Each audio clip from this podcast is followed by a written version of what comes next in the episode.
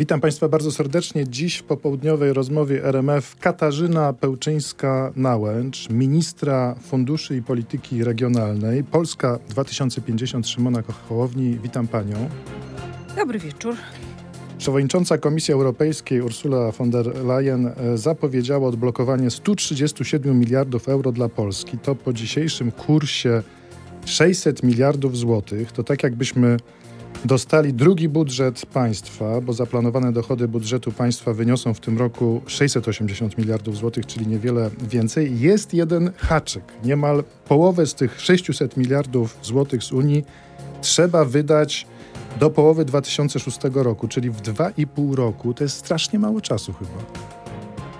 A ogromna pula na inwestycje. To nie jest jeden rok, tylko to jest y, z jednej strony fundusze spójności, bardzo duże, bardzo hojne połowa, mniej więcej w tej perspektywie finansowej. Swój... Tak, 76 miliardów euro do 27 roku jest, plus dwa. I tutaj mamy dużo czasu, mamy zdążymy, ale damy radę, i tak dalej. Bo też umiemy. Mhm. I druga pula, taka ekstraordynaryjna, jednorazowa, 60 miliardów euro, czyli KPO i tu rzeczywiście Mamy dwa lata opóźnienia. W spójności też mamy opóźnienie, ale ta spójność przy KPO, znaczy to opóźnienie przy KPO boli dużo bardziej, dlatego że musimy, KPO się kończy w 26 roku, zrealizować 55 reform i 55 inwestycji do 26 no, roku. No, no to właśnie podobno 43 y, z tych 55 inwestycji, jak wczoraj podał PAP, cytując jednego z poważnych ekspertów, jest zagrożone zagrożonych może zostać niezrealizowana do połowy 2026 roku, czyli Polska nie otrzyma wtedy refinansowania. To, to jest prawda, że są aż takie opóźnienia? Nie mam pojęcia skąd ta ocena. Moim zdaniem ona jest niezasadna. Jest opóźnienie, ponieważ przez dwa lata nie robiono e, większości inwestycji i nie robiono reform, i teraz oczywiście trzeba e, ogromnie przyspieszyć. E, I teraz co my robimy? Oprócz tego, że uwolniliśmy te pieniądze i wreszcie można działać, przygotowujemy i już jesteśmy na finiszu rewizję KPO, taki pakiet, pakiet dla Komisji Europejskiej, co musi zostać zmienione, żebyśmy mogli ten projekt w maksymalnym stopniu zrealizować. E, I to jest zmiana. A umie Pani opisać krótko, w jakim kierunku to będzie szło, żeby te pieniądze wydać w dwa lata? No bo rozumiem, że tu jest problem. Nie no. tylko wydać, Panie mhm. redaktorze, zainwestować, bo o tym jest KPO. Znaczy, mhm. chodzi o to nie, żeby przepalić pieniądze, tylko nie, nie, po to, żeby oczywiście. je tak włożyć w polski rozwój, żeby one procentowały, rozumiem, dlatego że... że KPO to jednak jest pożyczka, bardzo historię, korzystna, bardzo dobra, ale pożyczka. Zbudował myjni do, bezdotykowych w ramach innowacji e, się nie powtórzą, bo, bo takie były parę lat temu. E, ale to zostawmy to. No, wiadomo, to że trzeba... jest bardzo poważne z mhm. naszej strony podejście do tego, żeby to nie było tylko ilościowe, ale także jakościowe, czyli dokładnie miało nie, no, wszelki wszystko... sens.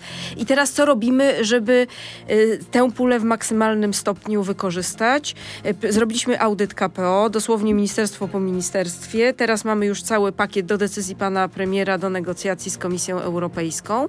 I to jest spojrzenie po pierwsze, co musi zostać przesunięte na późniejszy termin, żeby zdążyć co trzeba zmodyfikować, czyli mm, na przykład nie będzie gotowy już y, plan zagospodarowania przestrzennego położony na stół, ale na przykład y, będzie w połowie drogi już przygotowany, czyli troszeczkę zmieniony miernik y, i z tym jesteśmy w stanie zdążyć do 26 roku, a potem skończyć resztę.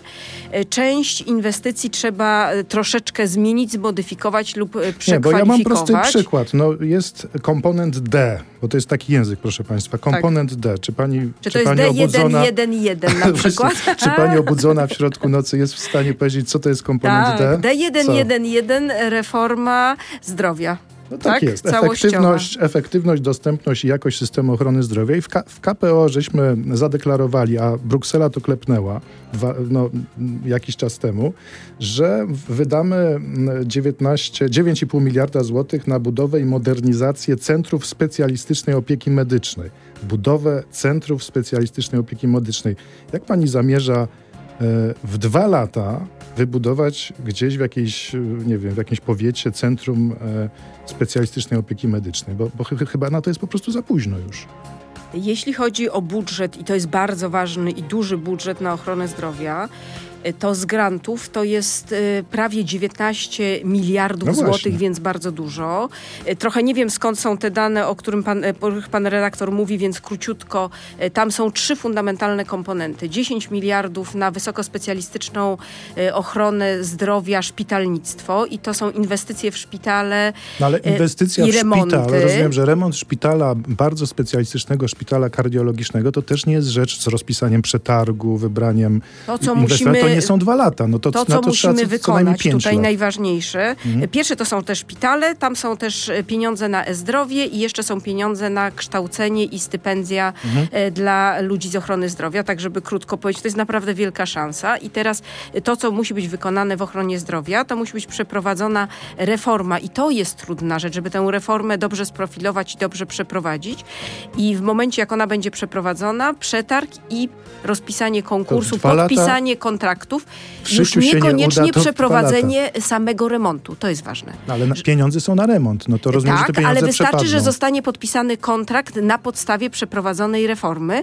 to już wówczas dostaniemy pieniądze. Sam, samo przeprowadzenie już e, remontu może trwać trochę dłużej. Niemniej czyli... to i tak jest ogromne wyzwanie. Ogromne, dlatego że sama ta reforma, jej przygotowanie, e, sensowne przeprowadzenie, e, to jest wielkie wyzwanie i tutaj decyzja jest taka, że przede wszystkim zaczynamy i Ministerstwo Zdrowia zaczyna od Krajowej Sieci Onkologicznej po to, żeby przeprowadzić klasyfikację szpitali i pod tą klasyfikację przeprowadzić nabór. bardzo skomplikowanie. Ja po no prostu, niestety po prostu, reformy no, ale im inwestycje bardziej, nie są proste. Im bardziej skomplikowanie to brzmi, tym bardziej wydaje się, że te dwa lata, czyli do połowy 2006 roku te te inwestycje w szpitale, to wszystko przepadnie. A czy wy macie taki pomysł, żeby radykalnie uprościć to KPO i po prostu wydać te pieniądze, nie wiem, no najszybciej w Polsce pieniądze unijne wydają średnie firmy. No powiedzieć, że dobra, to przeznaczamy wszystko na montaż paneli fotowoltaicznych, czyste, program Czyste Powietrze, przesuwamy z tych trudnych e, inwestycji, które trzeba rozpisać przetargi, cudawianki, na zrobić reformę służby zdrowia, na czyste powietrze na przykład? Czy, czy będziecie też tak działać? Swoboda działania państwa członkowskiego y, ma swoje tutaj ramy. To nie jest tak, że my no, możemy no, ale teraz chcecie siąść, renegocjować z Brukselą to KPO Nie możemy przecież. siąść i nagle sobie tych pieniędzy poprzestawiać w sposób dowolny. To jest niemożliwe.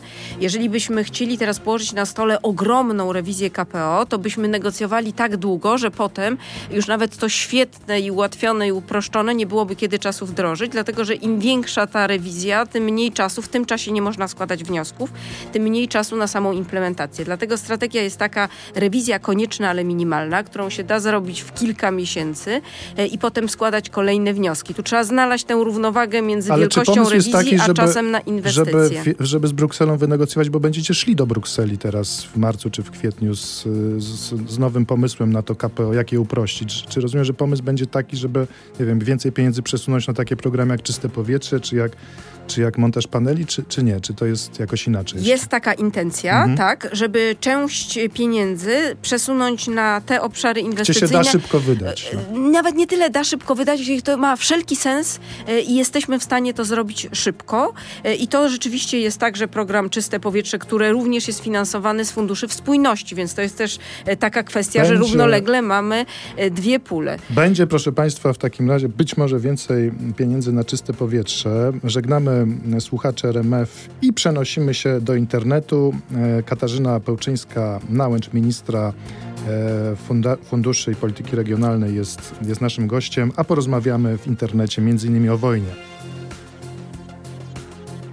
No właśnie, w sobotę dwa lata od inwazji. Pani o wschodzie no, no wie wszystko. Pani się tym wiele, wiele lat, e, wiele lat zajmowała. nie wie nikt. Niestety. No tak, tak. Rzeczywiście nie wiemy, co siedzi w głowie, co siedzi w głowie Putina. Pytanie, tak. czy, czy on wie, czy, czy bardziej udaje, że to jest jakaś taka genialna strategia. Ale zostawmy to. Czy pani uważa, że ta wojna e, w Ukrainie, wojna Ukraińców, jak mówi Krzysztof Bosak, czy właśnie to jest wojna Ukraińców, Nie należy używać tego nasza. języka. To jest inwazja rosyjska na Ukrainę.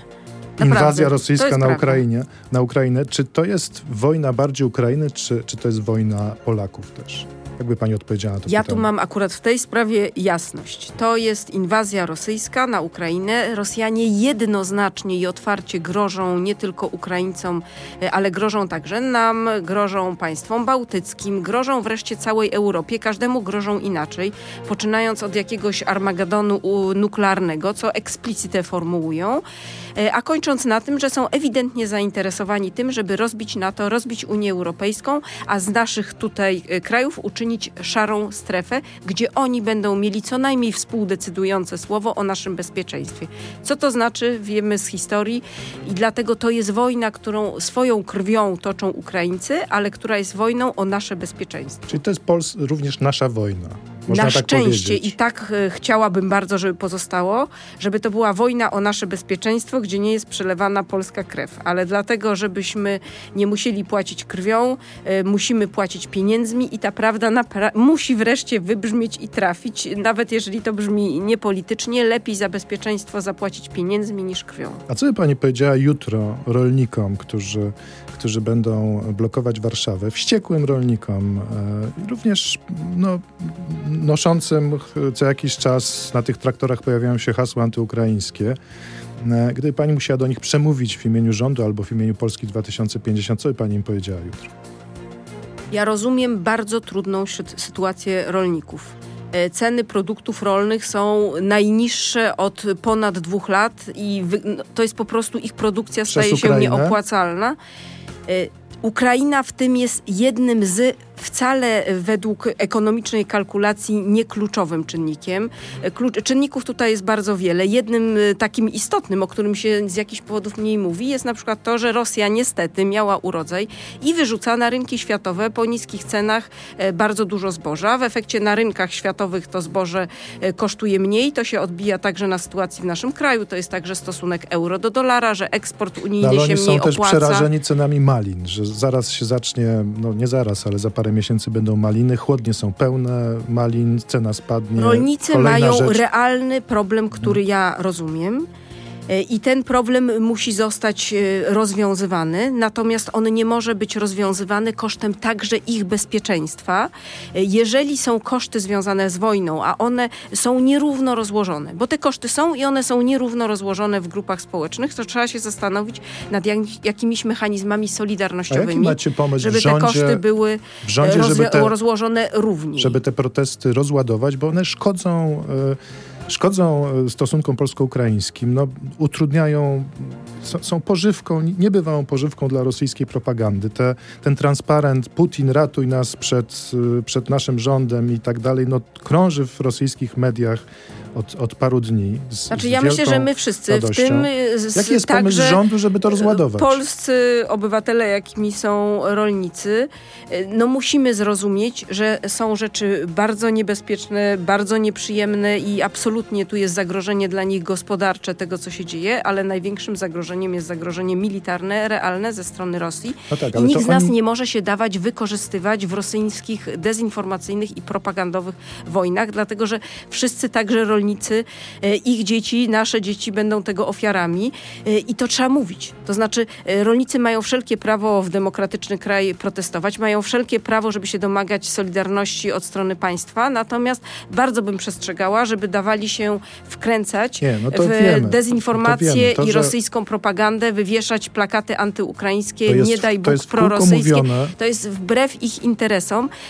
I, I to trzeba też po prostu Tylko chodzi o to, że, że, poziom, że poziom ich frustracji jest taki, że i to jest być może w niektórych przypadkach taka frustracja, no, że po prostu się zbankrutuje, jeśli, jeśli te ceny będą takie, jakie są, e, że, że no, coś trzeba by zaradzić. No, czy, czy na Domagać przykład, się solidarnościowego tutaj e, podejścia ze strony państwa. Ja rozumiem, że Ministerstwo Rolnictwa e, się nad takimi rozwiązaniami zastanawia. Ale można zasypać Natomiast pieniędzmi po prostu nie uderzać, w, nie dawać argumentów w ręce Putina, bo to problemów ich nie rozwiąże, natomiast nas wszystkich niestety stawia Zasypać w bardzo... Zasypać pieniędzmi te protesty, uruchomić, nie wiem, pulę pięciu miliardów na wsparcie tych wszystkich rolników, którzy którzy, no tych wszystkich produktów, które, których ceny spadły, to można wyliczyć wobec zeszłego roku. Coś takiego zamierzacie robić, czy, czy jakoś inaczej jeszcze? To są kompetencje Ministerstwa Rolnictwa, które wiem, że się zastanawia nad takimi mechanizmami solidarnościowymi. Pani by poparła coś takiego?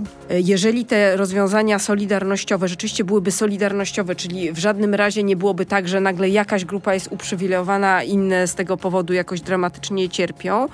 Mamy do czynienia rzeczywiście z grupą, która się znalazła w wyjątkowo trudnej sytuacji. Ja tu podkreślam, wojna ma tutaj y, mały komponent. To jest całość układu globalnego na rynkach żywnościowych i na to się wiele komponentów składa i to też warto podkreślać, żeby sobie nie szukać jakichś takich pojedynczych, sztucznych wrogów, ale no niemniej sytuacja jest jaka jest. I wówczas państwo powinno solidarnościowo reagować. Dobrze działające państwo solidarnościowo reaguje, jeżeli jakaś grupa społeczna znajdzie się w dramatycznej sytuacji. Pani się zajmowała obszarem postradzieckim naukowo, jako ekspertka i, i zawsze z, z wielkim zainteresowaniem czytałem to, co ma Pani i słuchałem do powiedzenia w tej sprawie. Czy jak Pani teraz widzi te obrazki rozsypanych, rozsypanego zboża z kilkunastu wagonów stojących gdzieś w dziwnym miejscu na odludziu i nagle z drona zrobiony jest film e, pokazujący rozsypane w Polsce ukraińskie zboże. To pani myśli, że to są e, rosyjskie służby, czy, czy nie? Czy to przypadek? nawet nie mając precyzyjnej wiedzy odnośnie tego konkretnego materiału, mam stuprocentową pewność, że jesteśmy obiekt, obiektem rosyjskiej e, operacji dezinformacyjno-propagandowej. Nie jesteśmy obiektem od wczoraj, tylko jesteśmy od bardzo wielu lat, jeszcze nawet sprzed rosyjskiej inwazji. E, ta agresja informacyjna nie może być uważana za nieważną, że ponieważ to jest, y, to jest ingerencja w naszą mentalność, w naszą świadomość, a tym samym w naszą demokrację i w nasze wybory polityczne, więc to jest rzecz super ważna. Y, ona idzie zawsze w tym samym kierunku od wielu lat, czyli żeby dzielić Polaków wewnętrznie, napuszczać jednych na drugich, żeby dzielić Europejczyków wewnętrznie, napuszczać jednych na drugich, y, dzielić Polaków z Ukraińcami, bo skłócona no tak, Polska z Ukraińcą, z Ukrainą są, jest w ręce Rosjan. Bataliony, bataliony rosyjskie do tego, żeby podkręcać e, polaryzację w Polsce i każdy, każdy agresywny tweet. E, Ale też podkręcać wszystkie radykalizmy, radykalizmy wszystkie tak fundamentalizmy, jest. wszystko to, co powoduje, że demokracja tak, wiemy. a my się tutaj to nienawidzimy. Wiemy, tylko ja mam pytanie, czy pani ze swoją wiedzą o Rosji, przecież była pani ambasadorem też, e, czy pani uważa, że po prostu grupa dywersyjna rozpoznawcza rozsypała te zboże rosyjska, czy to jest jednak działalność e, Ja rolników? uważam, że takie rzeczy powinny być badane i jestem przekonana, że są. Przez na nosa, na czuje, przez na, nasze na to, co służby. pani wie o Rosji. Tu nie chodzi o nosa. To hmm. znaczy naprawdę to, takie rzeczy się nie robi na nosa, y, tylko takie rzeczy wiadomo, że jesteśmy obiektem tej agresji, w związku z tym powinniśmy się bronić, w związku z tym akie, y, ataki trollów na polityków powinny być badane, tropione, likwidowane. Wszystkie materiały dezinformacyjne badane, tropione, likwidowane, opinia publiczna informowana. W związku z tym e, to jest podejrzany materiał. To bezwzględnie mogę powiedzieć. E, taki materiał powinien zostać, powinno e, zbadany, zdiagnozowane, jak powstał i czy rzeczywiście są podejrzenia. Jeżeli tak, wytropione źródła tego, zlikwidowana, opinia publiczna poinformowana. To, jest, to są metody... Nie, to nie jest dyplomatyczne. To nie jest dyplomatyczne, bo to nie chodzi o ten jeden materiał. Tego jest dużo, dużo więcej, coś, co zmienia naszą świadomość. W związku z tym y, musimy z tym walczyć I, i, to się w taki sposób dzieje. Nie, że sobie snuję i z palca coś wysysam, mm. tylko jest y, taka informacja, musi być informacja, czy rzeczywiście to nie jest materiał dezinformacyjny. Dlaczego, dlaczego, Jeżeli jest, do wiadomości publicznej. Dlaczego Polska 2050 y, i rozumiem pani też w takim razie chcecie powrotu do ustawy antyaborcyjnej z 93 roku? No, jakiegoś, przepraszam, już mówiąc łagodnie, średniowiecza, może po prostu średniowiecza. Polska 2050 y, i ja osobiście mam takie głębokie, osobiste przekonanie jako obywatelka, że najlepszym rozwiązaniem kwestii dopuszczalności aborcji, decyzji w tej sprawie jest referendum. Dlaczego to jest najlepsze rozwiązanie? Dlatego, że to jest rozwiązanie, które ma najszerszą legitymację społeczną, jest najbardziej efektywne polityczne, najmniej wywoła najbardziej pokojowe społecznie. To jest rozwiązanie, które skończy sytuację, w której przychodzi jedna władza, robi jedno, przychodzi druga władza, robi drugie. To jest rozwiązania, w której ludzie nawet jak się nie zgadzają, a to są rzeczy fundamentalnie dla ludzi ważne, takie y, no, etyczne, to się z rozwiązaniem przyjętym zgodzą, ponieważ to będzie efekt demokracji bezpośredniej. To jest najlepsza droga. A jak będzie głosowana ustawa lewicy o dopuszczalności przerywania ciąży do 12 albo ustawa Platformy, może zostawmy ustawę lewicową e, do 12 tygodnia, to jak pani zagłosuje? Ja nie jestem posłanką. W związku z tym nie zagłosuję. Ale, gdyby Ale była... jeżeli bym poszła e, głosować w referendum, mhm. to opowiedziałabym się za dopuszczalnością. Mhm. Natomiast y, klub Polski 2050 nie ma tutaj dyscypliny, dlatego że w klubie i w ogóle w Polsce 2050 mamy zasadę, którą osobiście uważam za naprawdę bardzo ważną, że w takich kwestiach y, etyczno, y, kwestiach sumienia każdy ma prawo podejmować decyzje sam, zgodnie ze swoim sumieniem i żadna partia Rozumiem, nie może go pani, do tego zmuszać. Pani by poparła ja ustawę jestem, Platformy bez, bez ja problemu. jestem, ja bym poparła rozwiązanie za dopuszczalnością aborcji mhm. do 12 tygodnia dalej dalej to mi się wydaje już okay, okay. Mocno przesadzone, dlatego że uważam, że mm, równocześnie uważam, że to jest bardzo ważne, żeby kobiety dostawały opiekę taką od państwa i solidarnościową od społeczeństwa, żeby dostały wszystko to, co pozwoliłoby im zachować ciążę, jeżeli tylko e, są na to gotowe i chcą. Czyli żeby z jednej strony miały możliwość wyboru, ale żeby to był prawdziwy wybór, a nie tak, że na przykład jest e, ciąża z niepełnosprawnością albo ciąża w dramatycznym dramatycznej sytuacji ekonomicznej i po prostu kobieta jest zostawiona sama. Ta druga część jest super ważna. Jeszcze na koniec chcę wrócić do KPO na chwilę. Tam jest zapisane, Morawiecki to wpisał, Izera. Polski samochód elektryczny Izera, na to zdaje się jest 5 miliardów KPO. Bruksela to klepnęła. Czy wy będziecie kontynuować tę Izerę, czy, czy stracimy te 5 miliardów? Nie ma Izery w KPO. W KPO jest rzeczywiście... Elektromobilność. Jest, jest. elektromobilność, tak, ale... a to jest zupełnie coś innego tak, niż Izera. Ramach... Nie ma żadnej umowy podpisanej z, hmm. z Izerą. Są przeznaczone fundusze na to, żeby wspierać w jakiś sposób elektromobilność. To można na bardzo wiele sposobów robić. Czyli co, zamiast Izery kupić autobusy yy, można, elektryczne, to można można wesprzeć tak, tak? autobusy, można wesprzeć e, rowery, można wesprzeć e, stacje ładowania, e, można wesprzeć innych producentów. To jest na koniec decyzja Ministerstwa Klimatu i pana premiera, w którą stronę idziemy, ale mamy tutaj pole manewru i zgodnie z tą decyzją będziemy negocjować. Albo idziemy w Izerę, albo idziemy w inne rozwiązania. takie rozwiązania, które tych pieniędzy nie zmarnują. Tych inwestycji pisowskich, sztandarowych jak CPK i, i, zera? Dla mnie w ogóle nie ma znaczenia, czy inwestycje są pisowskie, czy nie pisowskie. Ja w ogóle tak na to nie to patrzę. Dla mnie ma znaczenie dla waszych znaczenie. Wyborców. No ale dla mnie nie ma. Mhm. Dla mnie ma znaczenie, czy to się przekłada na rozwój Polski, czy się nie przekłada, czy jest korzystne, czy jest niekorzystne. E, jeśli chodzi o CPK, e, rozumiem, że trwa audyt i ma na to pytanie odpowiedzieć. Jeżeli chodzi o Izerę, to też uważam, że to powinno być podejmowane z tego klucza przez osoby, które się naprawdę na tym znają. Z mojego obszaru ekspertyzy ja widzę bardzo poważny dylemat pomiędzy tym, że samochód y, rzeczywiście tutaj produkowany y, z chińskim bardzo istotnym, bo on jest taki polski, że tam jest no, bardzo duży wkładem, y, chiński oczywiście. wkład technologiczny. Chińczycy, którzy są Czy dzisiaj geopolityczne, Volvo. to jest mhm. dla nas bezpieczne, żeby w taką współpracę wchodzić. Z drugiej strony rozumiejąc, że jeżeli Polska w taką współpracę nie wejdzie, to znowu jest ryzyko konkurencyjne, że jednak ktoś w Europie wejdzie i te samochody tanie, bo te technologie chińskie są tanie, będzie produkował. To jest bardzo poważne poważny dylemat, także taki geostrategiczny. Czyli zery nie będzie. Do, do podjęcia decyzja jest Ministerstwo Klimatu i pan premier. Bardzo dziękuję. Katarzyna Pełczyńska-Nałęcz, ministra funduszy i polityki regionalnej Polska 2050, Szymona Hołowni była dzisiaj naszym gościem. Żegnam się z Państwem i zapraszam jutro do popołudniowej rozmowy w RMF FM. Do usłyszenia.